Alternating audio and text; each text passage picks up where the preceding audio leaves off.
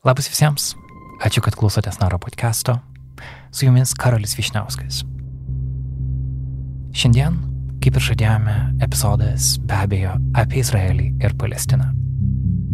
Tai bus pokalbis tarp Eglės Mūrauskaitės, Merlino universiteto vyriausiasis mokslininkės, saugumo specialistės ir Javos Koreivaitės. Java yra Vilniaus universiteto tarptautinių santykių ir politikos mokslų daktarė, tyrinti Iraną ir panislamizmą. Pokalbis įrašytas pirmadienį, spalio 16-ąją, nuo praėjusio šeštadienio, spalio 7-osios. Gazoje užfiksuota 2450 mirčių, Izraelyje 1400. Tai yra mirtinas, žiaurus laikas ir nepanašu, kad jis greitai baigtųsi, netgi priešingai. Tad šio pokalbio metu dvi Lietuvos mokslininkės, gerai žinančios regioną, kalba, kaip iki šios situacijos ateita, kaip mes į ją reaguojame ir kas gali būti toliau. Gero klausimo. Sveiki, aš esu Eglė Murauskaitė, Merilando universiteto vyriausioji mokslininkė. Sveiki, aš esu Jeva Koryvaitė, VU TSPMI lektorė. Pirmas dalykas, gal nuo ko reikėtų pradėti, tai iš tikrųjų nemažai šiame diskurse yra kvestionuojama tiek Izraelio teisė egzistuoti istoriškai, tiek Palestinos kaip valstybės e, koncepcija. Tai manau, kaip įžanga į mūsų diskusiją yra iš vis labai sveika prisiminti, kad nacionalinių valstybių santvarka, darinys nėra nuo amžiam žinųjų, tai yra nuo Vestfalijos taikos 17 amžiaus dalykas. Ir mes puikiai suprantame, kad regione, kur dabar vyksta karas, tai nebuvo nei dykuma, nei nacionalinė valstybė nuo visą amžių, ar ne?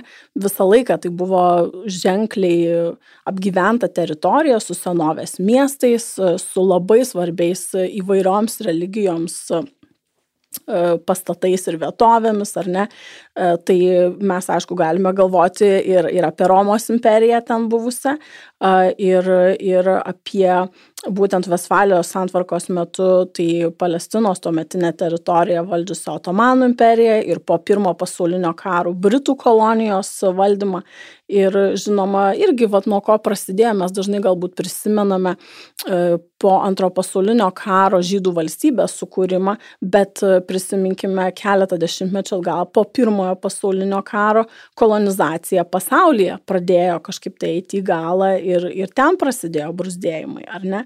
E, tai visiškai nuo tokių antikos laikų Jėva gal įvesk mus šiek tiek į istorinį dabar jau modernesnį kontekstą tikrųjų konfliktus ir šį vat, Izraelio palestinos konfliktą galima aiškinti naudojant na, skirtingų lygmenų argumentus ir nepasakyčiau, kad man istorinis argumentas yra pats priimtiniausias, nes na, jis iš esmės turbūt nėra dviejų istorikų, kurie vienodai papasakotų na, istorinį naratyvą ir, ir tada pagrindas na, kvestionuoti vienos ar kitos valstybės iš viso egzistavimą arba vat, gal, šiuo atveju ir palestiniečių pasipriešinimo E, kovas, e, na, jisai toks pasidaro, na, neįtin stabilus. Mhm. Uh, ir, bet vis tik Aš iš tikrųjų sulaukiu irgi nemažai komentarų, kuriuose buvo klausima, ar iš viso va, ta Palestinos valstybė, ar, ar jinai iš vis kažkada egzistavo, ar palestiniečiai kaip tauta egzistavo, kad, ką tu irgi paminėjai, ir, ir, ir tas pats Izraelio valstybės e, egzistavimas yra kvestionuojamas.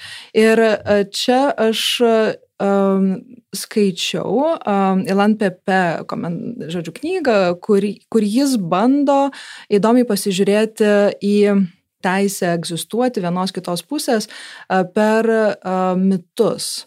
Tai jis yra pats Izraelio istorikas, dirbęs Haifos universitete Izraelyje ir jis analizuoja Urmo puslapyje, pateikimą, Izraelio Urmo puslapyje pateikimą informaciją Na ir, ir, ir žodžiu, na, bando paaiškinti, kieno čia, čia buvo žemė, e, kokia savimonė buvo tų žmonių, kurie čia gyveno.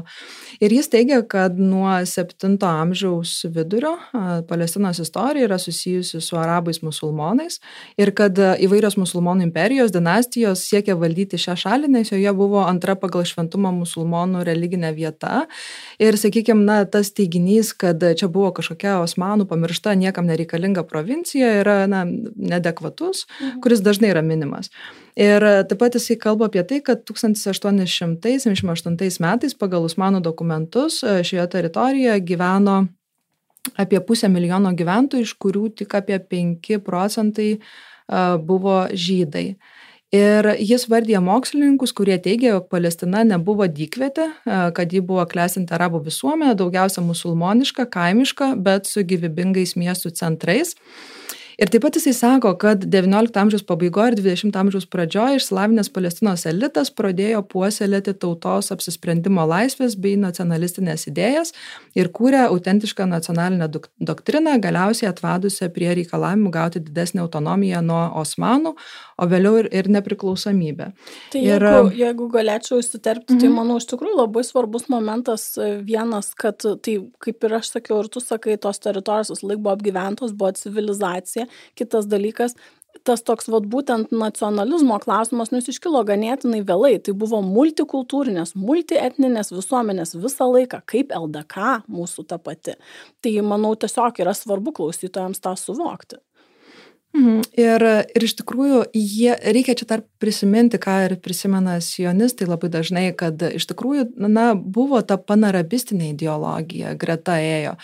Ne, nes um, arabai surengė sukilimą Osmanų imperijos viduje, tarsi išsprogdino ją iš vidaus, surengė tą sukilimą prieš turkų valdžią. Tai natūralu, kad taip jie turėjo kažkokias mobilizacijas, mobilizacinės tokias, na, jungimosi strategijas ir, aišku, ideologiją. Tai, tai buvo panarabistinė ideologija. Bet vis tik, na, tuo pačiu aiškiai egzistavo jau tas tokia palestinietiška savimonė Ir netgi, kai buvo siunčiama King and Crane komisija prieš Sanremo susitarimus 1920 metų, nu, kai buvo sprendžiama, ar įkurti tokią pat valstybių sistemą, kurią mes turime Europoje, ir tokią pat pritaikyti va, tai žlugusiai Osmanų imperijai, tada buvo siunčiama komisija išsiaiškinti, kogi tie žmonės ten nori. Ir, ir buvo pamatyta, kad iš tikrųjų na, palestiniečiai save suvokia, iš dalies galėtų suvokti save Sirijos sudėtį, bet suvokia save kaip ir atskirą uh, tautą. Tai taigi, tai vienas momentėlis smagus, kad e, kolonizmas vis dar čia gajus yra ir tavo pasakojame, ar ne, kad vakariečiai turi ateiti ir pasižiūrėti, ar čia verta ar neverta.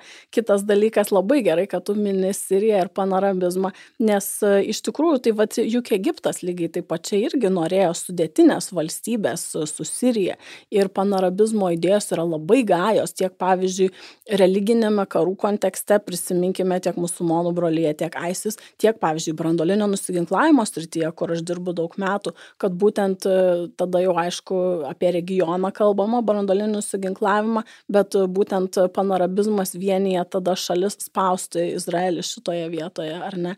Tai mhm. Tikrai, vad būtent tie kažkaip mums nekyla noras kvestionuoti nacionalinio naratyvo, sakykime, Egipte ar Irake ar Irane, nors giliau pakuitę mes tikrai ten rastume ir religinių labai stiprių motyvų, ir etninių, tai manau irgi tai labai geri akcentai. Mhm.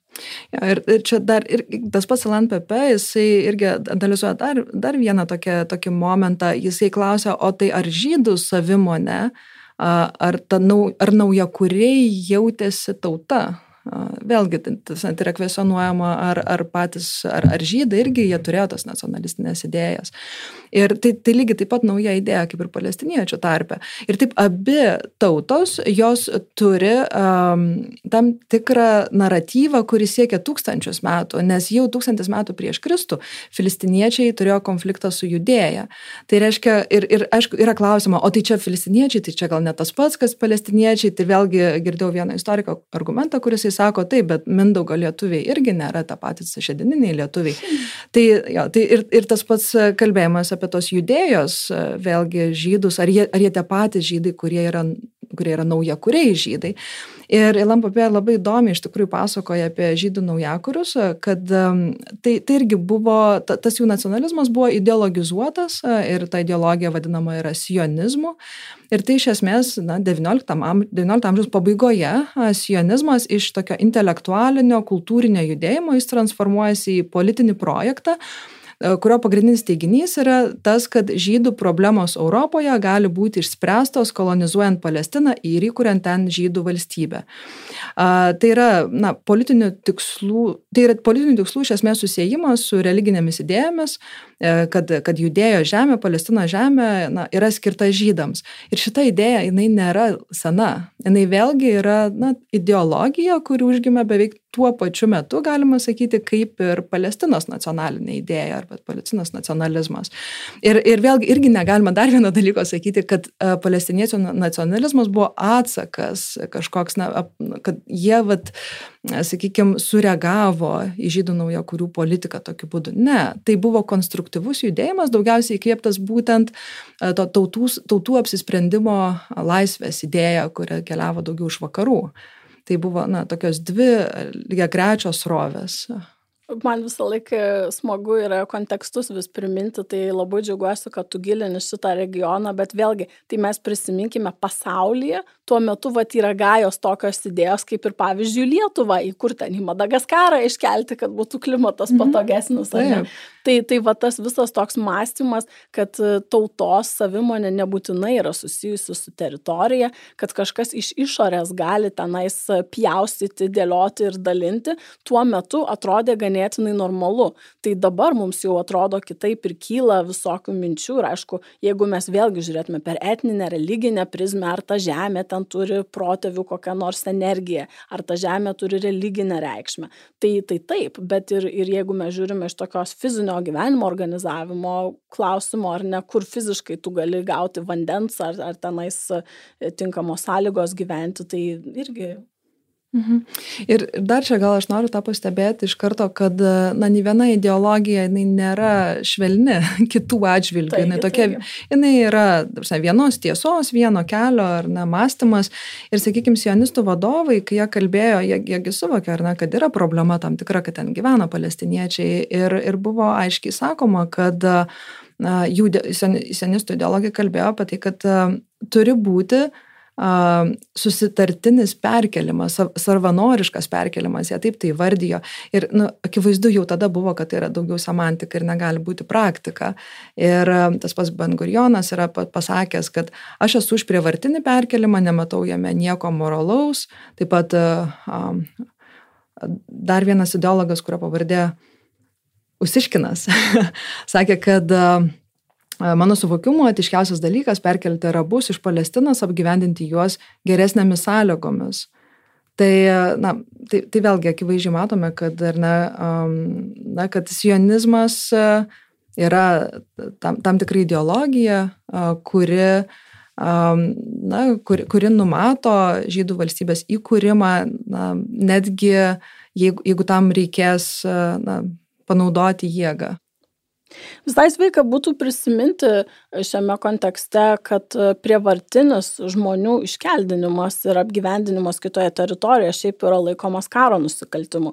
Vėlgi aš visada bandau aktualizuoti problemas lietuviams, tai kažkaip, kai mes galvojame, pavyzdžiui, apie Sovietų sąjungos paveldą ir ten tautų atkraustimus ar pas mus, ar, ar lietuvių į Sibirą atkraustimą, tai mes kažkaip nebe taip jau palankiai žiūrime tai iš tikrųjų nėra kažkokios tai ideologiškai neutralios tos idėjos, kaip tu Jeva ir sakai, nes praktinis įgyvendinimas dažnai reikalauja tokio žiaurumo.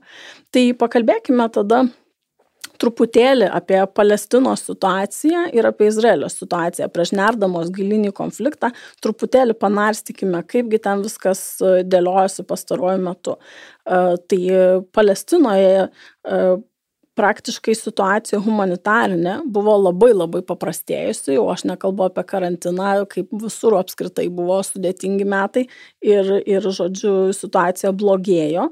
E, ir praktiškai 22 metais 80 procentų palestiniečių buvo reikalinga humanitarinė pagalba vienokio ar kitokio tipo. Jau turbūt visi girdėjo ne kartą, kad tai Gaza yra viena tankiausiai apgyventų teritorijų žemėje su dviem milijonai žmonių daugiau dar, tai praktiškai tik šiek tiek mažiau negu visa Lietuva sugrūsta į tą tarpelį. Ir pusė tų žmonių yra vaikai. Tai tas irgi, manau, yra, kai mes galvojame tiesiog praktiškai, kas, kas bėga, kaip tai organizuojama, tai reiškia asmenys iki 18 metų, apie milijonas, daugiau negu milijonas tokių asmenų ir kas, kas su jais vyksta, ar ne. Uh, tai e, mes, aišku, turime, turime įvairias organizacijas, uh, kurios bando ar teigia, kad atstovauja palestiniečių interesus. Uh, Izraeliui vykdant vis agresyvesnę nausėdijų politiką, taip pat teisinės reformas, mažėja tų teritorijų, kur palestiniečiai gali saugiai gyventi ir aišku, gazos ir vakarų kranto situacija šiek tiek skiriasi. Tai mes istoriškai turim vadinamąjį palestiniečių autoritetą, kur dabar Abaso vadovaujama partija vakarų krante kaip ir bandė laikyti politinį frontą, tačiau matoma vietinių iš esmės kaip nuolaidžiaujanti Izraelio vis agresyvėjančiai, ypatingai kariniai politikai. 21-2 metais būtent Izraeliui užimant vis labiau kraštutinį dešinį politinį frontą, tikrai nekarta yra įvairiausių žmogaus teisų organizacijų reportažai apie nausėdijų gyventojus izraeliečius vakarų krante, puldinėjančius savo kaimynus akmenimis, tiesiog paprastai susidorojant, nežinau, kumščiais į veidą. Ir, ir Izraelio autoritetai dažnai pasižiūri tai pro pirštus, kartais netgi yra skatinama neapykantos kalba tai vat tokiems dalykams bevykstant ta taiki partija e, ir, ir Abaso vadovavimas, kuo toliau, tuo labiau menksta autoritetas jų palestiniečių akise, nes atrodo, kad ta partija, tie žmonės, organizacijos, kurie sako, gerai sugyvenkime su Izraeliu, tarkime su Izraeliu, na kažkokių tai garantijų savo žmonėms išpešti nesugebėjo ir, ir situaciją žmonės liudyja gana prastą. Tuo tarpu mes matome gazoje, kur Hamas siūlantis ginkluotą pasipriešinimą ir nepripažįstančią Izraelio teisę egzistuoti, iš kur jie išstumė Fatah po rinkimų prieš daugiau negu dešimt metų dabar. Ir tenais mes matome kažkaip tai didėjantį ir radikalizmą visuomenės ir didėjantį palaikymą tokioms idėjams.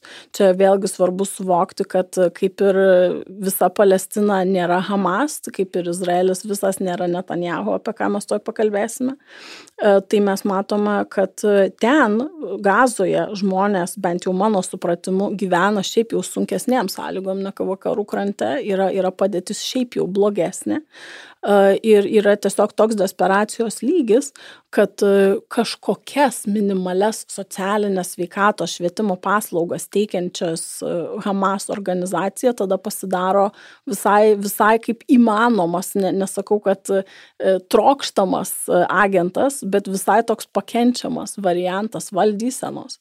Ir, ir jie turi tikrai didelį palaikymą tarp žmonių. Ir, ir aišku, tada yra dar radikalesnis sparnas Palestinos islamiškasis džihadas, PIJ. Tai, tai čia, vie, kaip sakyt, Palestinos vietinis žemėlapis ir aišku, mes turime ilgamečius kovotojus Hezbollah kaimininėme Libane, E, kurie taip pat tikrai nestebi šaltai paumėjimus regiono situacijoje. Dabar gal laikosi kiek nuosaikiau, bet irgi kartais konkuruoja su Hamas dėl įtakos, e, su Iranu labai yra įvairūs santykiai. E, tai Jeva, gal norėtum pridėti apie Palestinos vidaus veikėjus, ką mes galėtume dar papasakoti klausytojams? Mhm. Tai palestiniečiai veda tikrai ne, ne vien ginkluotą pasipriešinimą, ta taikaus pasipriešinimo idėja, jinai stipriai ypač vakarų krante ir Netgi aš vat, dažnai rekomenduoju žmonėms pasižiūrėti tokią dokumentiką pavadinimu penkios sudužusios kameros, Five Broken Cameras, kuriame įrodomas vat, vienas kaimelis, kuris, kuriame tiesiog yra tradicija po žodžiu, meldymosi penktadienį keliauti link aparteidinės sienos ir ten tiesiog protestuoti, taikiai protestuoti. Ir per penkis metus yra filmuojami taikus protestai, kurių metu, žodžiu, yra sudaužomos vat, penkios kameros. Tai yra, reiškia, į tos protestuotojus yra šaudoma, yra naudojamos ašarinės dujos ir netgi naudojama tokia taktika, kad naktimis Izraelio kariai atkeliauja į kaimelį tiesiog surenka vaikus, iš lovų traukia vaikus, tam, kad tėvai kitą dieną neįtų į tą taikų protestą.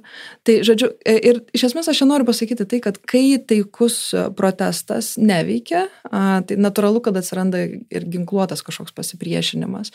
Ir labai dažnai Hamas yra bandoma vaizduoti kaip kažkokių užsienio galių įrankį, neišaugusi iš Palestinos situacijos ar iš Palestinos valstybingumo idėjos, bet tokį visiškai na, neorganišką ir, ir manau, kad na, klaida jį yra taip matyti, nes jis yra išaugęs iš Palestinos problematikos. Ir man, mes dar pakalbėsime apie tos išorinius veikėjus, jis tikrai turi daug įtakos, bet Palestinos situacija, jau čia buvo šiek tiek apie ją pakalbėti, yra tikrai labai sudėtinga. Ir uh, gazos ruožė, kuris yra vadinamas dažnai tokia kaip koncentracijos stovykla arba kalėjimų, at, kalėjimų po atvirų dangumi, uh, yra įsikūrusi vat, būtent šitą islamistinę organizaciją ir vėlgi uh, aš skaičiau ne vieną komentarą, kuriame sakoma, kad na, Hamas yra tiesiog radikalūs islamistai, kurie nekenčia ne tik Izraelio, bet bendrai žydų ir nori sunaikinti žydų valstybę. Ir aš norėčiau šiek tiek praplėsti ir pakomentuoti šitą momentą. Tai Visų pirma, taip, tai yra islamistinė organizacija ir čia mums vėlgi reiktų nemaišyti islamo su islamizmu, nes islamizmas yra ideologija, kuri susiformavo vėlgi 19 amžiaus pabaiga, 20 amžiaus pradžia, tai yra apologetinio tipo, pasipriešinimo tipo ideologija kolonializmui, westernizacijai, modernizacijai, tai iš esmės jos ta pradinė idėja buvo tokia, kad mes galime keliauti progreso keliu, eidami iš sekularizmo į religiją, kas yra mums visiškai neįprasta idėja. Ir tada kūrėsi musulmonų brolyje Egipte ir ji radikalizavosi. Ji buvo opozicinė jėga, kuri savo ideologiją ir savo praktiką jinai radikalizavosi. Ir Hamas yra musulmonų brolyjos atšaka. Po pirmosios palestiniečių intifados, kas buvo na, pirmasis palestiniečių sukilimas 1987 metais, Hamas susikūrė religinės, iš religinės labdaringos organizacijos susijusios su musulmonų brolyje Egipte ir um, jie parašo savo hartiją uh, po metų, tai yra 1988 metais, uh, kurioje uh, jie įvardyja tokius globalius islamistinius tikslus - sukurti islamišką valstybę ir na, kvestionuoja Izraelio teisę egzistuoti. Bet uh, ką aš pastebiu, kad e, Hamas yra iki šiol aptariama tom senosiom kategorijom, tačiau jinai yra stipriai pakitusi organizacija, nes e, nuo pat jau 2010 metų jie sako, kad mes sutinkame su Palestinos valstybė su 1967 metų sienomis. Tai yra, reiškia, gazos ruožas ir vakarų krantas. Na? Ir taip pat uh, Hamas vadovas, bet tuo metu, tiesa, čia dar reiktų paminėti, tuo metu jie sakė, kad bet mes renksim referendumą, kad sužinotumėm, ar palestiniečiai nori matyti Izraelio valstybę. Tai kitaip tariant, jie dar kvestionavo Izraelio valstybės egzistavimą. Ir pokytis yra 2017 metais, kai išsileidžia naują hartiją, kurioje yra pasakoma, kad, žodžiu, mes yra labai aiškiai atskiriama, kad mes kovojame prieš sionistus, prieš politinę judėjų projektą ir, e, žodžiu, mes nekovojame su žydais tik dėl to, kad jie žydai, nes saugome visas religijas. Ir vėlgi, tai atrodytų, kad, na, nu, ok, bet jie kvestionuoja Izraelio žydus, nes juos vadina sionistais. E, ir čia vėl eina pataisimas, kai e, Khaled Mašalas, jisai pasako, čia Hamas vadovas, jisai pasako, kad uh, mes sutinkame su 67 metų sienomis ir sutinkame sudėti ginklus pasipriešinimo kovo, jeigu atsirastų Palestinos valstybė. Ir tai yra milžiniškas pokytis ir jie ne tik tai, kad na, tiesiog pakalbėjo, bet taip pat ir ėmėsi tam tikrų veiksmų ir tai buvo 2014 metais jų bandymas susitaikyti su Fatah tai yra vakarų kranto valdžia ir sukurti jungtinę vyriausybę tam, kad galima būtų dėrėti su Izraeliu. Ir taip pat jie atsisakė teroristinio kovos metodo ir, ir, ir, ir, ir na, na, ten buvo vienas e, laikotarpis, kai, sakykime, jie ne tik, kad patys e, nenaudojo jokių teroristinių priemonių savo pasipriešinimo kovoje, bet taip pat ir draudė kitoms radikalioms organizacijoms tai daryti.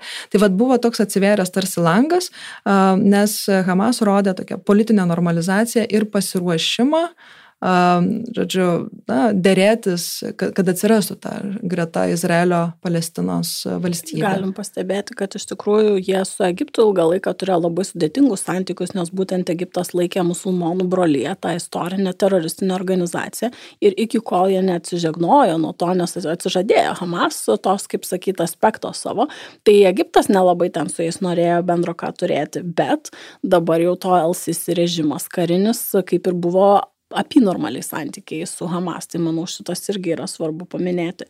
Ir, ir taip, kaip tu Jeva ir mini, atsvėręs langas dėja buvo trinkteltas taip, kad pirštus prispaudė, nes e, labai, labai kitokią bangą padvelkė tiek su Netanjahu naujausia kadencija, kai buvo išrinkta labiausiai radikaliai dešinė vyriausybė, tiek pasaulyje. Vėlgi, tai nėra kažkas unikalaus, ar ne? Mes turėjome ir Trumpo prezidentavimo laikotarpį, kur beje sėkmingai buvo atidaryta ambasada JAV Izraelyje, pripažįstant šiek tiek kitokį statusą. Ir mes turėjome labai didelį Europoje posūkį į tokį radikalų nacionalizmą tiek Vengrijoje, Lenkijoje, tiek ir daugelį kitų šalių Slovakijoje. Tai, tai vėlgi mes suvokime šitus įvykius pasaulio kontekste. Ja, ir iš tikrųjų noriu pasakyti, kad ką Trumpas padarė, tas jo taikos planas netgi pasiūlytas, tai iš esmės buvo aneksijos uh, legitimizavimas. Būtent. Jisai negalėjo to legalizuoti, pagal, nes pagal tartautinę teisę aneksija yra nelegali ir nesvarbu, ar Izraelis, žodžiu, okupavo vakarų krantą puolamojo ar gynybinio karo metu, vis tiek aneksija yra nelegali ir Izraelio nausėdijos, dėl ko visas vakarų krantas atrodo kaip rėtis, yra nelegalu. Ir tai, kad Trump, kai Trumpas perkelia ambasadą, kai Trumpas pasiūlo taikos planą, kuriame iš esmės, na, nelegalios nausėdijos yra priskiriamos Izraeliui, jis tokiu būdu legitimizuoja aneksiją. Ir, na, ir, ir jau tada pasidaro aišku, kad turbūt, na, vat, jeigu palestiniečiai šito plano neims, o jisai buvo, na, žeminantis planas, nes akivaizdu, kad su tokio teritorija, tokia išakėta teritorija, e, na, negali susikurti jokia gyvybinga valstybė. Tai bet, bet buvo aišku tada, kad jeigu šito plano palestiniečiai neims, na, greičiausiai Izraelis toliau vykdys uh, na, pilna vakarų kranto aneksija ir neaišku, kas bus su, su tuo blokuojamu gazos ruožu. Ir, na, ir dabartinė situacija rodo, kad, bet neaišku, iš tikrųjų, ar, ar nebus gazos ruožas, e, na, tiesiog vėl perimtas. Taip, iš tikrųjų, galim pakalbėti tada apie Izraelio slinktis, kad nu iš tikrųjų labai labai suradikalėjo situacija ir ir tame pačiame vakarų krante dvidešim tretieji metai buvo didžiausiu mirčių skaičiumi pasižymėję būtent dėl šitų susirėmimų. E, kalbant apie įvykusią teroro ataką kurią manau mes abi vienareikšmiškai smerkiame e, tai vis dėlto tarp priežasčių įvardintų buvo minima kad bijoma bijoma e, izraelio susidorojimo su įvairiais politiniais lyderiais, nuogastaujama iš Izraelio pusės, kad gali prasidėti trečioji intifada. E, tai nu, tikrai tai nebuvo visiškai toks perkūnas iš gėdro dangaus taja prasme, kad žiaurumai tikrai eskalavosi ir eskalavosi nuosekliai. E, apie žvalgybą mes pakalbėsime už minutėlės, bet gal pradėkime žingsneliu iš anksčiau. Tai politinė situacija Izraelyje iš tikrųjų skilimas tarp liberaliosios žydijos ir ortodoksų valdžios jis nenutiko nei šio konflikto metu, nei prieš metus. Tai yra nu gana didelis ir ilgas procesas, tęsantis, nežinau, jeigu ne dešimtmetį, gal net ir daugiau. E, kai iš tikrųjų dabartiniais duomenimis, pavyzdžiui, mažiau nei pusė Izraelio gyventojų palaiko, pavyzdžiui, kariuomenės IDF, reiškia piliečių kariuomenės modelį kaip po tokį. Tai vėlgi įdomu galime susimastyti, ar ne Lietuvoje dažnai tikrai e, mano profesiniuose ratuose saugumo aplinkoje dažnai IDF garbstoma kaip sektinas pavyzdys, kai, kai štai kaip žmonės, ypatingai jauni nuo mokyklos laikų, reiškia, yra ideologiškai angažuoti, karinėmis technikomis treniruoti ir vat jau jeigu tik tai nutiktų ekstra atvejais, kaip jie visi yra puikiai pasiruošę. Tai štai kai tas atvejis nutinka, tai mes matome, kad tikrai taip nėra, bet viskas stovi ant labai tokių molinių kojų dėja. Aš čia gal norėčiau dar įsiterpti irgi, man įdomi buvo ta informacija, kad iš esmės dalis kariuomenės buvo vakarų krante, nes jie ten saugojo tas nelegalias nausėdijas. nes, na, Izraelis kūrė kelių rūšių nausėdijas, tai yra vienos yra na, legalios nausėdijos pagal Izraelio įstatymus, legalios nausėdijos, kur yra tiesiog a, atskiriama teritorija, jinai išvaloma, ten yra pastatoma nausėdija ir yra nelegalios tos nausėdijos, kur tiesiog, a, žodžiu, na, radikalesni žydai atsitempia savo vagonetį į palestiniečio kiemą ir tada reikia atitverti ten saugumo zoną, juos saugoti, prižiūrėti ir taip toliau.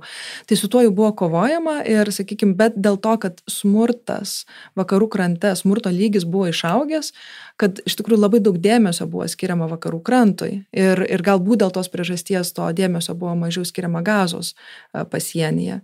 Bet jo, man labai įdomu irgi išgirsti apie, apie tavo išvalgas dėl tai, žvalgybos. Taigi, taigi, tai vat, pirmiausia ir noriu štai pradėti nuo politinės situacijos, nes tai labai paveikia ir kariuomenės statusą ir žvalgybą.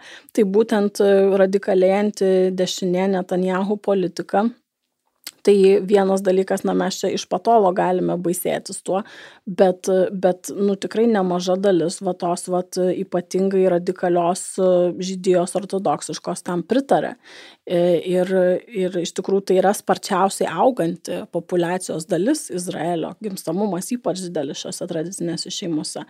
Tai sakykime matoma kuo toliau, tuo labiau toks, nu, ir rasistinis, ir, ir visai kaip diskriminacinis aškenacijų, reiškia, požiūris tų senųjų.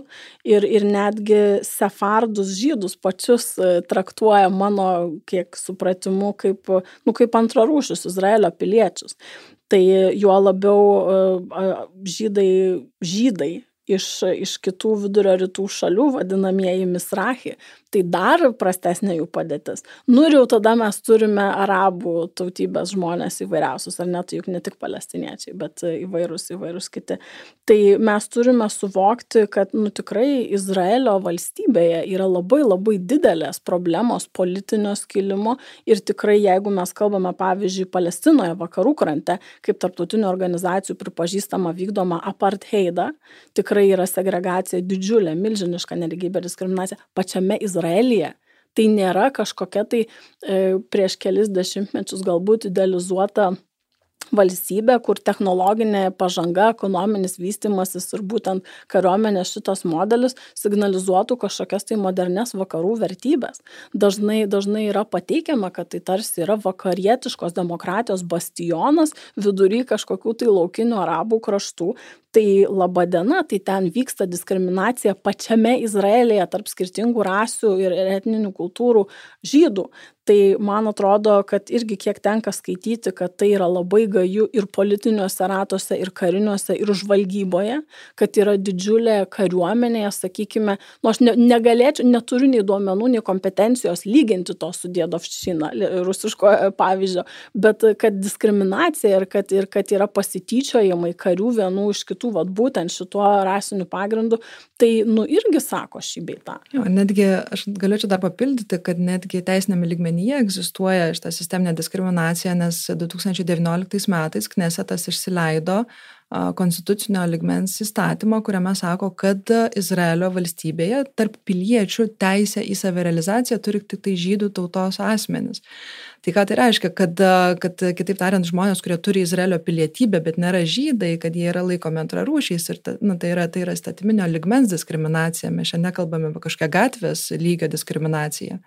Tai dar ką noriu paminėti, kad kaip, kaip jau sakiau, tikrai, tikrai nėra, nėra visi, visi Izraelio piliečiai Netanjahu gerbėjai ir tikrai yra nemaža dalis žmonių tikrai progresyviai mąstančių, vakaruose vystančių tiek verslą, tiek išsilavinimą ten begaunančių ir, ir, ir aišku, ir iš vakarų vis dar atvažiuoja ir akademikai, ir, ir progresyvų žmonės į Izraelį. Ir, ir yra iš tikrųjų didelis skilimas, kaip sakyt, kaip čia, kokias mato vizijas ta liberalioji pusė, ar ne. Tai pavyzdžiui, prasidėjus labai kontroversiškoms teisinėms reformoms, pavyzdžiui, kariuomenė, kuri, nu, kadangi, kaip mes suprantame, IDF, tai reiškia piliečių pajėgos, tai yra gana, nu, gana reprezentatyvus gabalas populiacijos pradėjo masiškai protestuoti. Ir, ir prasidėjo kvestionavimas, ar Netanjahu kaip lyderis yra tinkamas karo metu priimti sprendimus, vat, būdamas, reiškia, rodydamas tokias politinės tendencijas, prasidėjo protestai prieš reguliariai, nu, kadangi jie turi reguliariai pasirodyti postuose, kaip sakyti, reguliariai palaikyti savo įgūdžius įvairiausius, kokios jie ten pajėgose betarnautų, tai prasidėjo masiniai neatvykimai, nepasirodymai tuos šaukimus nuo 23 metų pradžios. Tai ir, ir ypatingai, kiek man teko skaityti, tai specialiųjų pajėgų operacijose tai buvo žmonės, šaldag daliniuose, žvalgybiniuose ir kibernetinės žvalgybos daliniuose. Tai laba diena, jeigu mes turime masinį nepastenkinimą, nepasitikėjimą, nepasirodymą, kaip sakyti, savo postuose šitų žmonių, tai ko mes galime tikėtis iš tarp žinybinio bendradarbiavimo, iš greičio surinkta informacija apsikeitimo, jeigu, jeigu reiškia visuomenėje vyrančios diskriminacinės nuotaikos yra keurai persmelkę šitas institucijas, jeigu žmonės yra pertemti ir išvargę, jeigu jie gyvena tokiamis nuotaikomis, kad čia gali prasidėti bet kada karas ar iš vienos pusės, ar iš kitos. Ar ne, tai gal tas įsivaizdavimas to vis, visagalio Mosado yra nu, tikrai šiek tiek perdėtas ir, ir, ir šioje vietoje gal mažiau mums reiktų stebėtis, kaip čia, kaip čia visa tai įvyko. Taip pat vat, noriu paminėti irgi oro pajėgos, tai ten kalba ekspertai, kad irgi buvo labai didelis, kaip čia pasakyti, ne, nepastenkinimo rodimas nepasirodant postuose, tai ten nu vaidmuo yra labai labai didžiulis. Tai jeigu ten keletas tų pilotų netgi ne, neatvyksta į pamenu iškart, tai yra pajuntama. Tai, tai manau šitą yra labai sveika suvokti.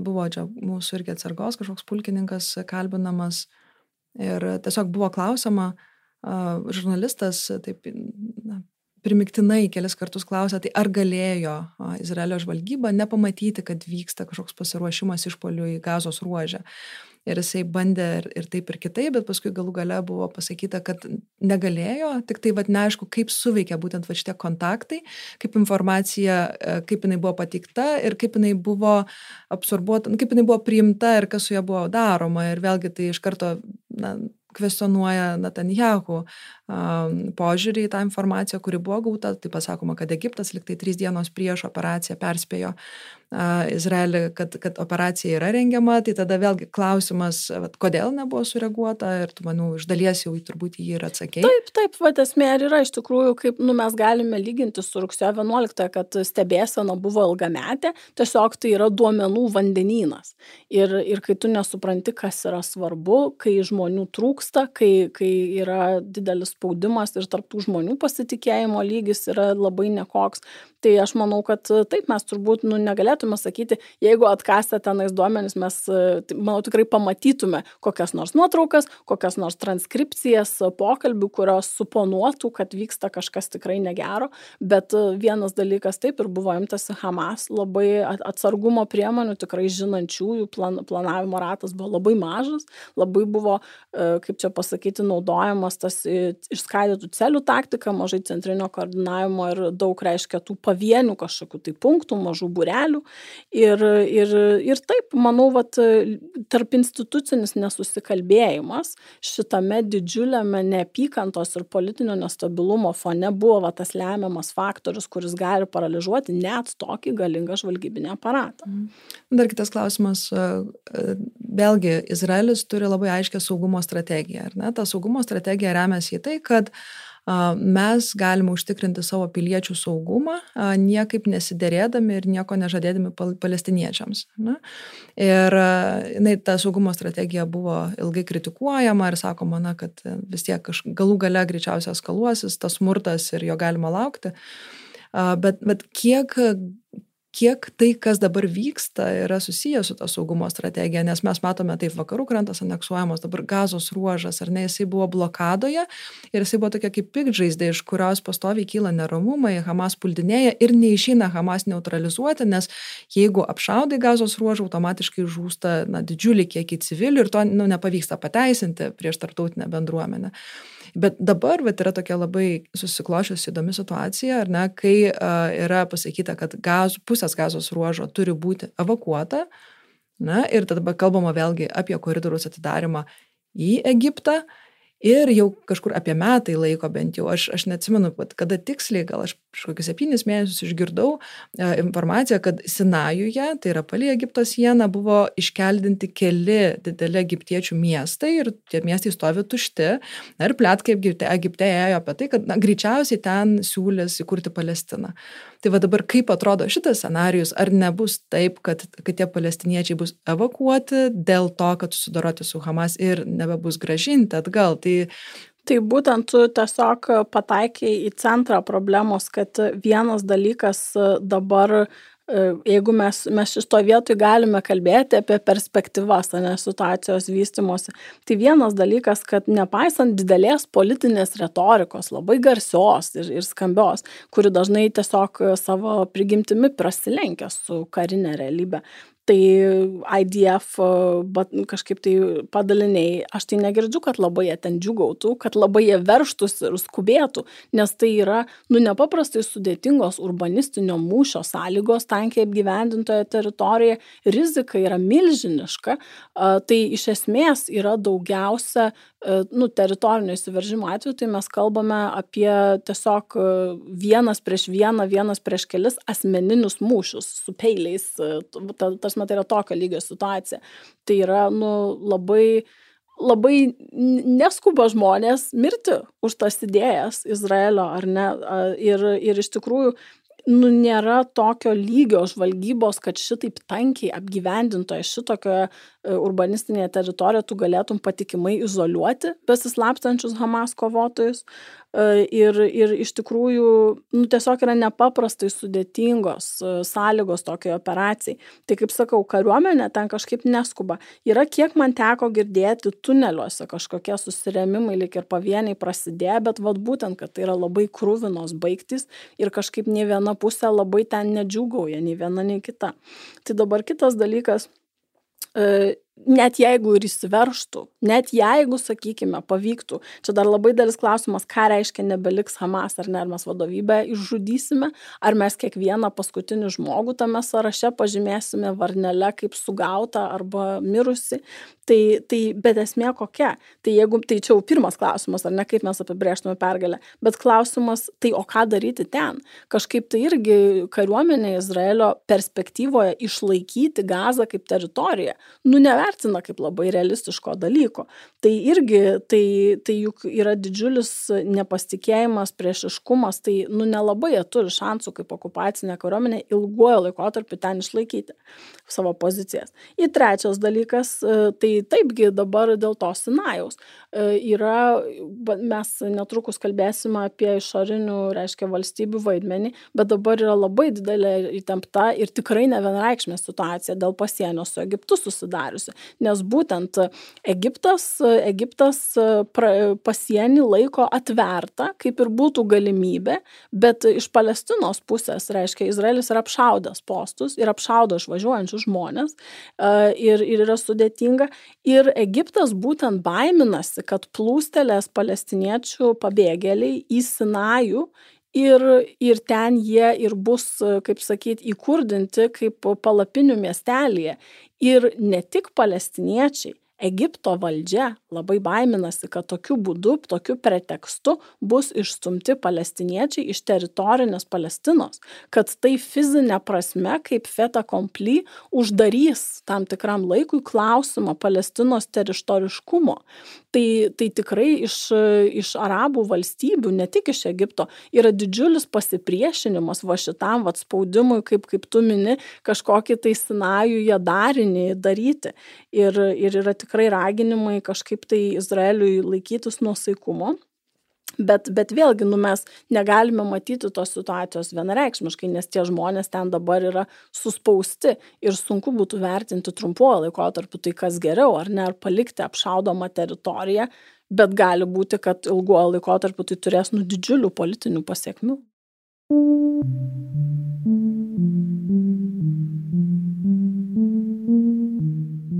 Jūs klausotės Naro podcast'o Šiandien čia yra pokalbis tarp Eglės Murauskaitės ir Javos Koryvaitės, dviejų mokslininkių tyriančių tarptautinį saugumą ir vidurio rytų regioną. Aš noriu priminti, kad Nara podcastą palaiko patys klausytojai, tai galima daryti Contribui platformoje. Tikslus adresas yra contribui.com/nara. Ir aš noriu padėkoti mūsų naujausiams nariams ten - Mindogui Karaliui, Dianai ir Laurinai. Dar kartą contribui.com/nara. O dabar grįžtame į studiją.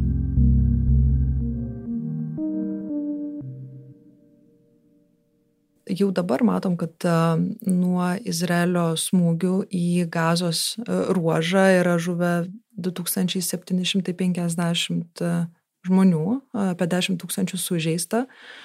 Ir dabar kiek aš mačiau, iš tikrųjų yra pradedama kalbėti apie Alnagbą, dar vieną Alnagbą. Tai ir čia norisi priminti, kas ta Alnagba. Tai yra vadinama Palestinos tautos tragedija, kuri vyko 1948 metais po teritorijų padalymo, tai yra mandatinės Palestinos teritorijos padalymo, Izraeliui buvo priskirta tam tikra teritorija susikurti, Izraelis susikūrė ir na, dėja ten ne visa ta teritorija priklauso žemės nusavybės teisė. Tik labai nedidelė žemių dalis priklauso nusavybės teisė ir na, tokia yra problema, kad na, tenka kažkaip tą žemę atlaisvinti. Ir, ir na, Izraelio archyvai buvo labai ilgus metus uždaryti iki 80-ųjų. Apie tai, kas tuo metu vyko, paaiškėjo na, tik atidarius archyvus, kad buvo sunaikinta apie 400 palestiniečių kaimų. Buvo ir žudinių, dėrėsino žudynės. Ir tuo metu tikslas buvo tiesiog išstumti populi, na, palestiniečių populaciją iš tam tikrų teritorijų ir tai sukėlė 750 tūkstančių palestiniečių pabėgėlių bangą. Ir dalis tų palestiniečių vis dar yra tose okupuotose teritorijose, gyvena irgi stovyklose. Kita dalis nukeliavo į aplinkinės arabiškas šalis, ten sukurdamos, na, tokias, nu, kaip kartais sakoma, radikalizacijos stovyklas, nes jau penktą kartą palestiniečių gyvena netenkinamančius, na, prastomis sąlygomis ir neturi šalise pilietinių teisių, kai kuriuose šalise ir darbo, teisės į darbą, tam, kad neišbalansuotų vienu atveju, pavyzdžiui, na, Libane, pavyzdžiui, konfen, konfesinė, to, kad neišbalansuotų konfesinės konfesinio pasidalymo, nes palestiniečiai yra sunitai musulmonai, o, sakykime, Libanas yra sudarytas, na taip, vieną trečdalį turi šyitų musulmonų, vieną trečdalį krikščionių ir vieną trečdalį sunitų musulmonų, tai tiesiog ir pagal tas konfesinės linijas yra padalinta visa, um, žodžiu, na, politinės valdžios struktūra pagal tai yra sudėliota. Ir, na, bijoma tiesiog, kad bus išbalansuota, dėl to jie negali ten turėti politinių teisų. Jordanijoje netgi yra a, tik apie 40 procentų iš 2 milijonų palestiniečių pabėgėlių turi pilietybę, tai yra turi politinės teisės ir taip pat yra ribojamos teisės į darbą, na, vėlgi tam, kad neišbalansuotų darbo rinkos. Ir, na, problema ta, kad tose stovyklose, na, tos stovyklos, aišku, jau yra pavirtusios į lušnynų kvartalus, na, žmonės ten neturi, jauni žmonės neturi jokių galimybių, jokių na, socialinių galimybių, politinių galimybių, politinių teisių ir natūralu, kad tai yra na, didžiulis pulas radikalizacijai, ta prasme, kad, kad radikalios organizacijos iš ten susirenka savo, savo narius. Tai um, ir šiuo atveju vėlgi, kas, kas vyksta, kaip, kaip ir minėjau, tai buvo prilyginama Alnagbai, tai manoma, kad galbūt bandoma išstumti, vat, ką, ką tu ir kalbėjai, ar ne, kad galbūt bandoma išstumti tą, populi, tą palestinietišką populaciją šiuo atveju iš gazos ruožo. Nes kito būdo kažkaip išnaikinti Hamas aš, aš irgi nematau. Nes, sakykime, Hamas nėra tik tai kažkokia na, militaristinė, islamistinė organizacija, tai yra ir politinė gale. Tai reiškia, kitaip tariant, šiuo metu Izraelio taikiniai nėra kažkokie tik na, tuneliai, kuriuose yra slepiami ginklai, bet tai yra taip pat ministerijos, tai yra parlamentas, nes, nes ten, ten yra Hamas, tai, tai yra Hamas valdoma teritorija. Tai būtent tai yra politinė organizacija, kuri teikia įvairias tiesiog gyvenimo kasdieninio organizavimo pagalbos paslaugas. Ir iš tikrųjų yra labai, labai dėl to sunku atskirti tai, kiek tu turi būti to, nutolęs nuo ginklo, kad e, skaitytumėsi vis dar prisidedantis prie radikalizacijos, kas čia tas pažiūros sugraduos, ar ne. Tai gal tada pakalbėkime trumpai apie regiono kitus žaidėjus. Jėva užsiminė trumpai apie Libaną, e, kur, kur Hezbollah turi nemažai rėmėjų, bet vėlgi Libanas nėra Hezbollah, tai nėra kokia nors oficiali Libano kariuomenė, tai vėl mes šitą suvokime, ar ne. E, tai prasidėjus karui nemažai pasigirdo balsų, kad e, tarsi Irano rankomis yra viskas daroma per Hezbollah ir Hamas ir tarsi tik ir laukia Hezbollah šokti į šitą kovą padėti Hamas tai norėčiau gal pradėti nuo, nuo Libano pozicijos, kad šiaip jau Libane yra labai sudėtinga ekonominė situacija ir, ir iš tikrųjų Hezbollah pamažu praranda tenai savo sekėjų gretas, e, mažiau žmonių nori radikalizuotis e, ir, ir vis dėlto taip pat Hezbollah yra matoma kaip netgi korumpuoto Libano elito kažkokios tai na, dalis.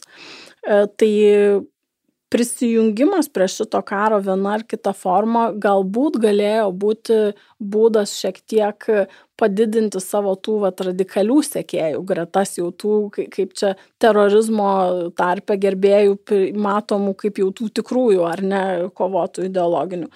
Bet kurgi esmė, kad iš tikrųjų nenori švaistyti ginklų Hezbollah, ne, ne, tas arsenalas jis nėra begalinis, nėra taip jau lengva tos ginklus gauti ir iš Irano. Ir, ir tikrai, na, Nasrallah ypatingai nuosaikiai laikėsi Hezbollah lyderis, matyt, gal irgi negaudamas aiškių, aiškių strateginių instrukcijų ar kažkokios vizijos neturėdamas, bet galbūt būtų labiau tikėtina, kad gali sužaisti Hezbollah vaidmenį kai prasidės kažkokios dėrybos dėl paliaubų, galbūt e, dėti savo ranką ant svarstyklių kaip politinio svoro kažkoks tai Hamas pridantis, bet gana greitai vat, tie visi spekuliavimai nuslūgo, nes tiesiog praktiškai nu nėra didelio noro šiaip jau regione įsiubuoti visą apimantį karą. Tai vad lygiai taip pat Iranas, ar ne?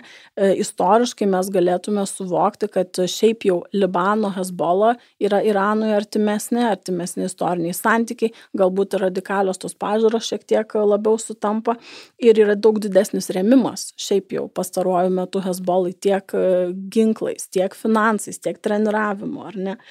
E, ir, ir vėlgi Iranas nenori e, išleisti tos kortos į trasą, reiškia Hezbollah tų visų ginklų, nu, tai žmonės, kad mirtų dėl va, va, šitoje, šitose aplinkybėse, ar ne. Ir, ir iš tikrųjų nėra, nėra didelio noro, kad įsisubuotų atviras karas, nes Iranui taip pat tai nėra paranku. Tai tie resursai juk nebegaliniai. Dabar vat, su Rusija yra prasidėjęs irgi glaudesnis šiek tiek santykis. Tai, tai matyti yra tas poreikis Irano šitiek metų dabar po sankcijomis gyvenančio irgi arsenalai nėra begaliniai, ekonomika yra gerokai nustekenta. Tai, tai mes irgi turime susivokti, kad politinis palaikymas kaip ir yra ir tikrai yra visada radikalių fakcijų, kurios ir pasidžiaugia, ir X platformoje buvusiame Twitter'e papaustina kokiu nors provokatyviu video, e, kaip čia šauniai tiems, reiškia, e, teroristams pavyko, bet, bet nu, tikrai politinėme lygmenyje nu, nėra didelio tam apetito. Mhm. Kalbant apie Iraną, tai Irano gynybos strategija yra turėti tokius partnerius kaip Hezbollah, Hamas, Sirijos režimas, Irako režimas, dėl to, kad Iranas neturi stiprios konvencinės ginkluotės tam, kad atlaikytų na, JAV ir, ir, ir JAV partnerių na, agresiją. Tai natūralu, kad jisai kūrė tokį na, specifinę labai saugumo strategiją, kurią jis vadina revoliucijos eksporto doktrina Ir vat, jam norisi, kad e, būtų pakankamai aktyvus jo tie partneriai ar organizacijos, ta pati Hezbollah, kurią, kurią Iranas įkūrė, bet kartu jis, ne, jis nenori, kad, kad, kad priešininkai pamatytų na, limituotą galę taigi, na, tų, taigi. tų savo organizacijų. Tai na, tas panaudojimas yra daugiau gazdinama, atgrasinama per tas organizacijas, o ne, na, o ne bandoma įsitraukti kiekvieną konfliktą, nes tų konfliktų regione čia buvo labai daug kibirkščių pastoviai ir Iranas Iranas na, niekada e, taip na, ne, nepuolė pats pirmas panaudoti tų savo resursų regioninių. Ir taip, Iranas, jis yra irgi, jis yra islamistinė valstybė, ideologinė valstybė, bet uh, Na, reikia suprasti, kad tai yra atskiras įtakos blokas, šyitinio radikalizmo įtakos blokas ir ta pati Hezbollah, jinai visiškai turi kitus karybos principus ir kitą požiūrį. Tai sakykime, na, tokiame kovos įtampos laikotarpyje, taip, Irano partneris gali būti ir Hamas, Bet, na, kita vertus, Hamas yra nepatikimas partneris Iranui, nes, na, bet kokiu atveju tai yra sunitinis radikalizmas ir jie negali pakesti šytų radikalų. Tai, tai va, tai tas, ta partnerystė, na, tokia labai, labai specifinė. Na, sakykime, Iranas galvos neguldytų nei, nei už Hamas. Um, ir, ir, ir netgi Iranui patogi yra ta tokia pastovios įtampos, pastovios sumaišties situacija, nes um, Palestinos, Izraelio konfliktas yra laikomas pagrindiniu radikalizacijos šaltiniu visam regione ir militarizacijos. Nes visuomenės, tai mes čia vieną matome režimus, ar ne, arabiškų valstybių režimus, mes juos aptarėme, bet visuomenės yra pro-palestinietiškos. Na, taigi, taigi, ir tam, kad vat, kurstyti visą šitą žydinį ir ugnį, labai patogu turėti tą konfliktą, gal ir net nesibaigianti konfliktą. Ne, ir vat, Aišku, Iranas turbūt neprieštarautų, jeigu ten susikurtų islamistinę dar vieną plus valstybė jo įtako zoną patenkanti, bet e, jam lygiai taip pat yra paranku tiesiog turėti šitą konfliktą ir dėl to, kad jam abu dalykai yra plus minus ok, jisai turbūt vat, ne, ne, nebandys paukoti Hezbollah. Nors Hezbollah taip, jinai yra atidariusi kažkiek tokį lengvo formato frontą, tiesiog gal daugiau kaip deklaracija, kad jie palaiko Hamas. Tai va, va, man atrodo irgi pastebėkime klausytojams, kad šiaip jau prasidėjus tik tai neramumams, e, Izraelis preventyviai apšaudė tiek teritorijas e, Libano, tiek Sirijos, sunaikino e, oro uostų keletą, tenais apgadino tiksliau gal pakelimo takų. Tai ir buvo aišku labai, labai agresyvi preventyvi deklaracija nesikišti, bet ir tas nesikišimas nežinia, ar, ar jisai būtų jam daug apetito, net jeigu ir nebūtų to vykę. Tai tu jau paminėjai labai taikliai bevykstančias demonstracijas, praktiškai šiaip jau visuose vidurio rytuose nuo Maroko, Turkijos iki Jemeno, Tuniso, Kuveito ir, ir iš tikrųjų daug, daug labai visuomenių yra reiškiančių būtent pasibaisėjimą civilių žūtimi, daugiausia, aišku, palestiniečių civilių, bet tikrai netrūksta ir balsų sakančių, kad nu, Hamas teroro atakos buvo smerktinos. E, tai pakalbėti dar norėčiau apie vieną išorinių veikėjų vaidmenį. Dažnai girdimas argumentas, kad štai buvo besusitaikantis arabai su Izraeliu, tai reiškia Saudo Arabija, konkrečiai Kinijos medijuojamame taikos procese. Tai va irgi galime puikiai pamatyti čia, kiekgi vertas tas kinietiškasis taikos balandis, kad dabar reiškia buvo tai argumentai yra kad kad norėjo išvengti to palestina tai manau kad verta pakalbėti apie tai. Tai visų pirma vėlgi vat kinija kuri tuo metu bandė rinkti politinius taškus vaidindama tą mediacijos vaidmenį šiuo metu konfliktui bevykstant kažkaip taikyti nieko neskuba ir ir labai labai jau tyliai ir nuosaikiai nuošaliai sėdi ir iš tikrųjų yra dabar padėjęs gerokai spaudimas tiek Saudo Arabijos visuomenė, tiek Kataro to paties pavyzdžiui, kad nu, negalime mes apleisti Palestinos vizijos. E, bet iš tikrųjų, kiek tenka man girdėti ekspertų, nu praktiškai niekas negalvoja, kad tai buvo kažkokios intencionalios pastangos tam taikos procesui, va tokiam bevykstančiam užkirsti kelią. Nes vėlgi, kaip ir tu ir aš pastebime, tas kažkoks berusenantis nestabilumas yra parankus daugam, bet karo niekas nenori, bet kažkaip tai visiškai atsisakyti Palestinos idėjos remti, panarabistinės šalis irgi negali. Pakalbėkime dar labai trumpai apie vakarų vaidmenį šiame konflikte. E, tai JAV buvo viena pirmųjų labai garsiai išstojusių Izraelio pusėje ir tik, tik mums bekalbant, va dabar vėlgi pasigirsta prezidento Bideno įspėjimai neokupuoti gazos Izraeliui. E, savaitai praėjus po atakos, e, aišku, ginklai yra tiekiami, lėktuvnešiai yra atsiųsti į regioną tiek kaip, kaip politinis gynybinis signalas tiek iš tikrųjų kaip ženkli žvalgybinė pagalba.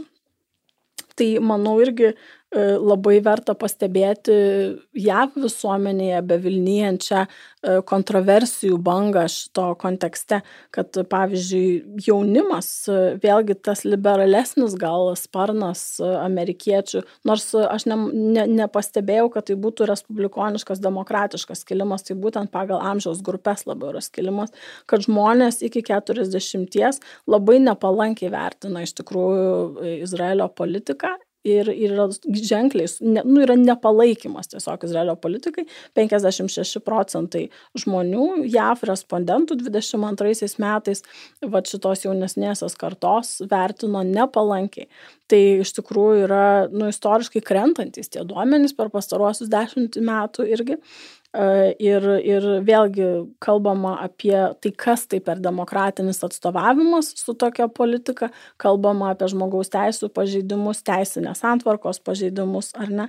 Na, iš esmės aš pasižiūrėjau, vat, kad na, kai Palestinos nacionalinė taryba išeivijo Alžyrė paskelbė Palestinos nepriklausomybės deklaraciją 1988 metais ir de jure įsteigė Palestinos valstybę, ją pripažino iš karto 78 valstybės, Ir 2019 metais jau 138 valstybės iš 193 buvo pripažinusios Palestiną kaip valstybę.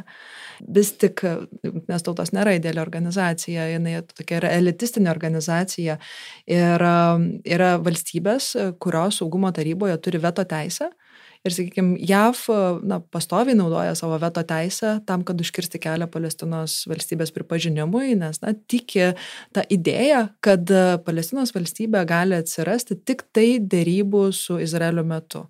O kaip žinome, na, tos dėrybos nevyksta, sakykime, Oslo susitarimai turbūt na, buvo toks na, proveržis, kai um, kai Izraelis e, pripažino PLO, tai yra Palestinos išsilaisvinimo organizacija, kaip atstovaujančią palestiniečių interesus ir buvo pažadėtas tolimesnis valstybingumas, bet tuo, na, iš esmės, ta tokia, na, labai tokia nuosaiki tuo metu Izraelio pozicija, ji buvo stipriai sukritikuota Izraelyje, tas pats Rabinas, ar ne, kuris gavo Nobelio taikos premiją, jisai buvo nužudytas žydų radikalų. Ir nuo to laiko, na, galima sakyti, na, joks toks konstruktyvus bandymas grįžti prie darybų ir pripažinti Palestiną jisai nevyko. Ir JAV iki šiol tarsi sako, kad turi vykti darybos, bet pati pripažįsta aneksiją, kas, kas reiškia, kad na, nebe, nebėra netgi, nu, realiai nebelieka teritorijos, kurioje ta Palestina galėtų įsikurti. Ir va čia, va, man toks yra toks noras na, tiesiog klausti, o, o tai kiek, kiek dar tęsis tas toksai lėtenos uždėjimas ant šito klausimo ir sakymo, ne, turi dėrėtis ir, ir tuo pačiu pripažinimo aneksijos kai nebebus dėl ko dėrėtis. Tai va, va šita JAV pozicija labai įdomi ir aš matau, kad jinai visiškai nekinta, ar tai būtų respublikoniška administracija, ar tai būtų demokratai. Taigi, taigi, ir, ir va šitame kontekste va, mes, manau, tikrai drąsiai galime kalbėti apie demokratijos principų eroziją. Ir va, jeigu mes galvotume apie esminės pasiekmes Europai, Lietuvai, JAV, vat šito konflikto ir pasiekmes ir sakykime, kaip tai, kaip tai atspindi realybę bevykstančią pastarojo meto. Tokios politikos palaikymas ir testinis rėmimas, nu tikrai labai stipriai kvestionuoja, tai kiek čia mes tiems demokratijos principams esame pasiryžę duoti reikšmės. Jeigu Izraelio ekspansinė politika žmogaus teisų pažeidinėjimai yra vakarų lyderių nestabdomi, yra kritikuojama organizacijų, bet praktiškai nestabdomi, nėra sankcijų, nėra kažkokios teisinės atsakomybės, tiesiog tai vyksta. Tai manau, čia pasiekmes yra didžiulės. Ir pavyzdžiui, vėlgi, jeigu, e, jeigu galvojant apie saugumo implikacijas, nu tai pavyzdžiui, rezonansinė neapykanta ir, ir tikrai palėtė jau iš karto, vad ją visuomenėje tikrai buvo ir, ir Lietuvoje, ir daugelį Europos šalių, na juk tiek žydų tautybės žmonių gyvena praktiškai visur pasaulyje, tiek įvairių arabų šalių asmenų yra išsibaršiusių ir paliečia vėlgi tą neapykantą musulmonus palaikančius tiesiog Palestinos civilius. Ir čia svarbu kalbėti irgi apie ir islamofobiją, ir antisemitizmo galima bangą ir, ir labai svarbu kalbėti apie tai, kad na, tai neturėtų vykti. vis tik na, reikia, reikia labai saugoti savo visuomenės, tas ma, savo visuomenės esančios mažumas. Ir nu, man vat, įdomu tai, kad mes Lietuvoje mes turime tokią, na, proamerikietišką poziciją, sekame būtent amerikietišką liniją, mažiau europietišką liniją.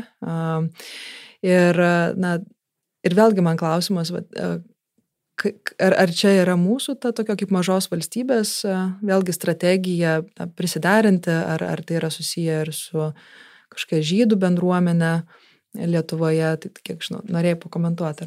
E, taip, man irgi iš tikrųjų labai šitas užkliūva visą laiką, kad e, Lietuvoje labai yra mažai viešo diskurso prieš šokant palaikyti Amerikos dažnai kontroversiškas pozicijas. Tai čia šiuo atveju, kad mažai diskurso aš negalėčiau skūstis, nes iš tikrųjų komentarai tai paplūdo e, nuo pat pirmų atakos dienų ir negalėtume sakyti, kad tai yra grinai proamerikietiška pozicija. Bet taip, man, man irgi tai atrodo atrodo kaip kognityvinis disonansas tam tikra prasme, e, kad e, viena vertus Lietuvoje mes neskubome kažkaip tai prisijimti atsakomybės e, už dalyvavimą genocide, gražinti žydams nuosavybės, kažkaip tai lentelių įvairių kontroversiškų nuimti, Bet vat, nutikus tokiam, tokiai situacijai mes vienareikšmiškai šokame vadinti visų palestiniečių gyvuliais ir arabų apskritai, ne tik palestiniečių ir, ir iš tikrųjų sisteminė neapykanta besklindanti interneto komentaruose ir ne tik ir iš tikrųjų pagrindinėje žiniasklaidoje, tai mane pribloškia kiekvieną kartą. Tai manau, čia yra puikia vieta pakalbėti šiek tiek ir sureaguoti į klausytojų atsiustus komentarus, bet, nu vėlgi, baigiant vat, būtent tą pozicinį, pozicinę laikyseną, na, man neatrodo kažkaip tai savaime suprantama ant Vilniaus rotušės užprojektuoti Izraelio vien tik vėliavą, nei, nei darant kokiu nors apklausų, nei kažkaip tai, nežinau, komentuojant tą. Tai kaip minimum galbūt konstruktyvi pozicija būtų tiek Izraelio, tiek Palestinos vėliavas tada projektuoti kartu arba išreikšti poziciją, kad civilių žudimas nei vienoje pusėje nėra pateisinamas, nes dabar tai iš tikrųjų, nu, klausant viešojo diskurso iš Izraelio nemažos dalies politikų, aš nekalbu apie kažkokius šiaip radikalius asmenis internete, kaip tu minėjai ir kariuomenės vadas, ir parlamento nariai, ir tas pats e, Benjaminas Netanjahu, tikrai naratyvai yra pasisukę link praktiškai nu genocidą primenančių žodžių apie etninį valymą, apie galutinius sprendimus, susidorojimą, gyvuliais žmonių vadinimą. Ir, ir kokiu būdu mums kaip, kaip demokratiniai valstybei, nu kokiu būdu mums tai yra ok. Ta prasme, man atrodo, tai tokia neapykantos banga kilo visuomenėje tiesiog sunkiai, sunkiai suvokiama tai aš manau kad e, mus taip pat palietė su tavimi šitie dalykai ar ne nes ieva asmeniškai susilaukė. Tikrai nu mane pribloškė tos negatyvios ir asmeniškai įžeidžiančios reakcijos. E, aš kol kas dar negalėčiau pasakyti kad sulaukiau kažko panašaus bet e, nu bandymai kažkaip tai apeliuoti į sveiką protą ir nuosaikumą kažkaip tai nu nelabai daugam patinka. Jo, ką aš pastebėjau, kad na, tikrai aukšto rango, netgi politikai, leidžia savo, uh, na, tiesiog skleisti tas pačias fake news ir aš nežinau, na, kiek, kiek čia gerai minėti, bet tas pas profesorius Landsbergis šio, šio ryto, man atrodo, savaitės interviu, jisai dar vis tebe kalbėjo apie žydų vaikų nupjautas galvas. Uh, Na, nors, na, iš, iš esmės aišku, kad buvo vykdomas, buvo vykdomi ten siaubingi veiksmai, bet, bet buvo ir, ir tam tikrų fake news, kurie toliau yra retransliuojami ir leidžiama dalintis, leidžiama kurti tą tokią, na, neapykantos atmosferą, netgi, na, kaip pagrindas yra, na, netikras, ar ne? Tai ir, ir na, nekalbant apie Izraelio ambasados, vėlgi bandymus kažkaip stabdyti ir, ir akademikų pasisakymus, tai, tai tikrai labai, net, ne tai, kad tie, tie tokie negatyvūs ir labai agresyvūs pasisakymai ateitų tik tai iš kažkokių na, beveidžių profilių Facebook'e, bet, bet jie ateina ir iš tikrai aukšto rango na, politikų. Tai, tai va, tas tai, iš tai tikrųjų yra, stebino, taip, stebina kaip, jau. kaip, mes, kaip mes save laikančią vakarietišką liberalią valstybę, kur, nu, iš esmės, tai mes turbūt ne, neturime kažkokio tai didelio, nu, tokio tiesioginio suinteresuotumo, išskyrus, vat, vertybinį palaikymą, ar ne, tai tikrai kaip, kaip, mes, kaip mes greitai nuslydome į tą neapykantos liūną, tai mane, nu, tikrai pribloškė.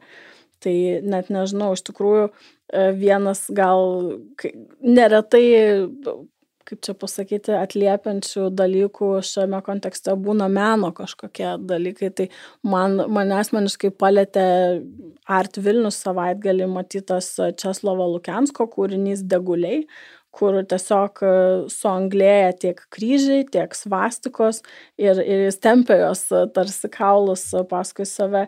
Ir pats menininkas, e, na taip, kalba apie tai, kad e, istoriniai ženklai labai tokiamis apkrauti, apaugę prasmėmis, kurių ten iš pradžių nebuvo, kad jie kviečia į nuolatinę kovą prieš nemusiškius, kad labai yra sistemingai naudojami tie simboliai kažkaip tai. Ir, ir aišku, jo paties tas, na, tas kūrinys, jisai yra senesnis, 19-21 metais darytas, tai su šio karu jis neturi nieko bendro, bet tiesiog kaip, kaip priminimas toks, kad apie transformuojančią ugnies galę ir bet kai kurie dalykai, kai kurie istoriniai naratyvai, na, jie vienas dalykas tarsi vis iš naujo yra ištraukiami, eskaluojami ir pritempiami kažkokiams dabartiniams politiniams realijoms.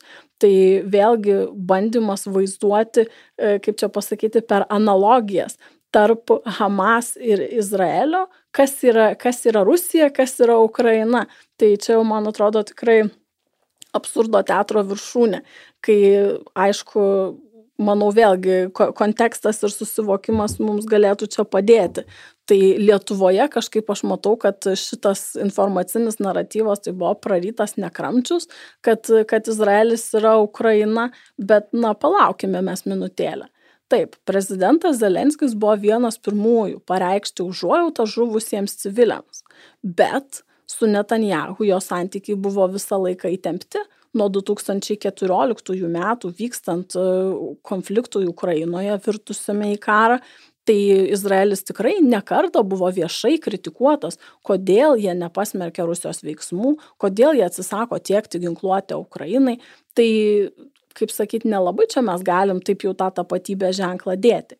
Iš teisinės pusės, jeigu galvotume mes, tai kaip tik Izraelis yra okupavęs teritorijas, tai Izraeliui gal ir palanku taip save piešti vat, Ukrainos karo kontekste, bet kiek tai atitinka tikrovę, tai vėlgi mes negalime sakyti. Dabargi trečias dalykas, toji pati Rusija, jiems gal, gal irgi visai, visai įdomiai čia viskas žiūrisi, bet mes prisiminkime ilgamečius ryšius prezidento Vladimiro Putino su Netanjahu, kiek ten vizitų apsikeista, galų gale kokio dydžio yra populiacija iš Rusijos emigravusių į Izraelį žmonių ir kokį tikrai ženklų tenais sudaro, kaip sakyt, balsą be kalbančių diasporoje.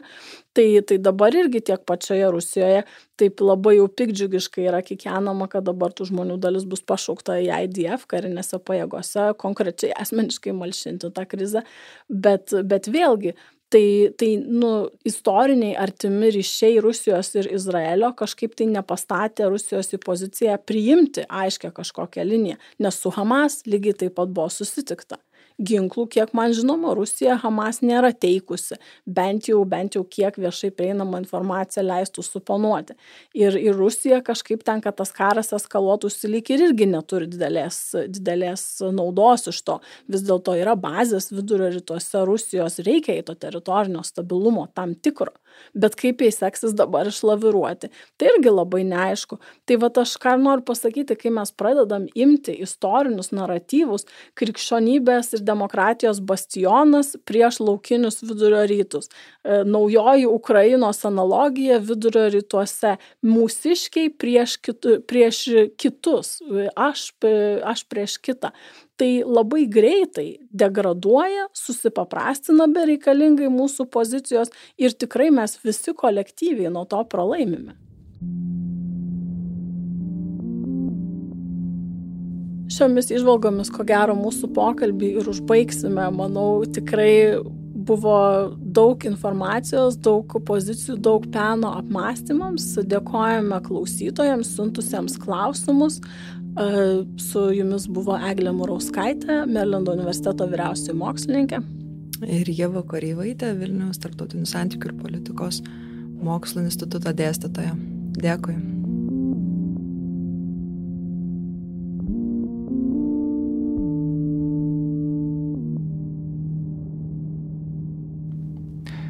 Toks mūsų epizodas šiandien. Ačiū, kad buvote kartu. Ačiū Egliai Mūrauskaitėjai ir ačiū Jevai Koreivaitėjai. Pokalbį mes įrašinėjome nacionalinės Martino Mažvido bibliotekos garso įrašų studijoje. Muzika, kurią girdite įraše, yra kurta Martino Gailiaus. Klausytojų komentarai, kuriuos atliepia Eglė, yra iš mūsų uždaros Facebook grupės Į ją patekti kviečiame prisijungę prie mūsų Contribui platformos adresu contribui.com/nara. Ten rengiame diskusijas apie epizodus ir planuojame naujas Nara medžiagas. Greta epizodo kviečiame rasti fotografijas, Jėvos ir Eglės portretus, jų autorė yra Berta Tilmantaitė. Šis epizodas yra dalis projekto Perspectives, iš dalies finansuojama ES. Perspectives iniciatyva būrė žurnalistus iš Čekijos, Vokietijos, Slovakijos, Lenkijos, Vengrijos, Lietuvos ir Ukrainos. Mano vardas yra Karolis Višniauskas, aš esu Naro podcast'o redaktorius ir vedėjas. Ačiū, kad esate kartu ir iki kitų kartų.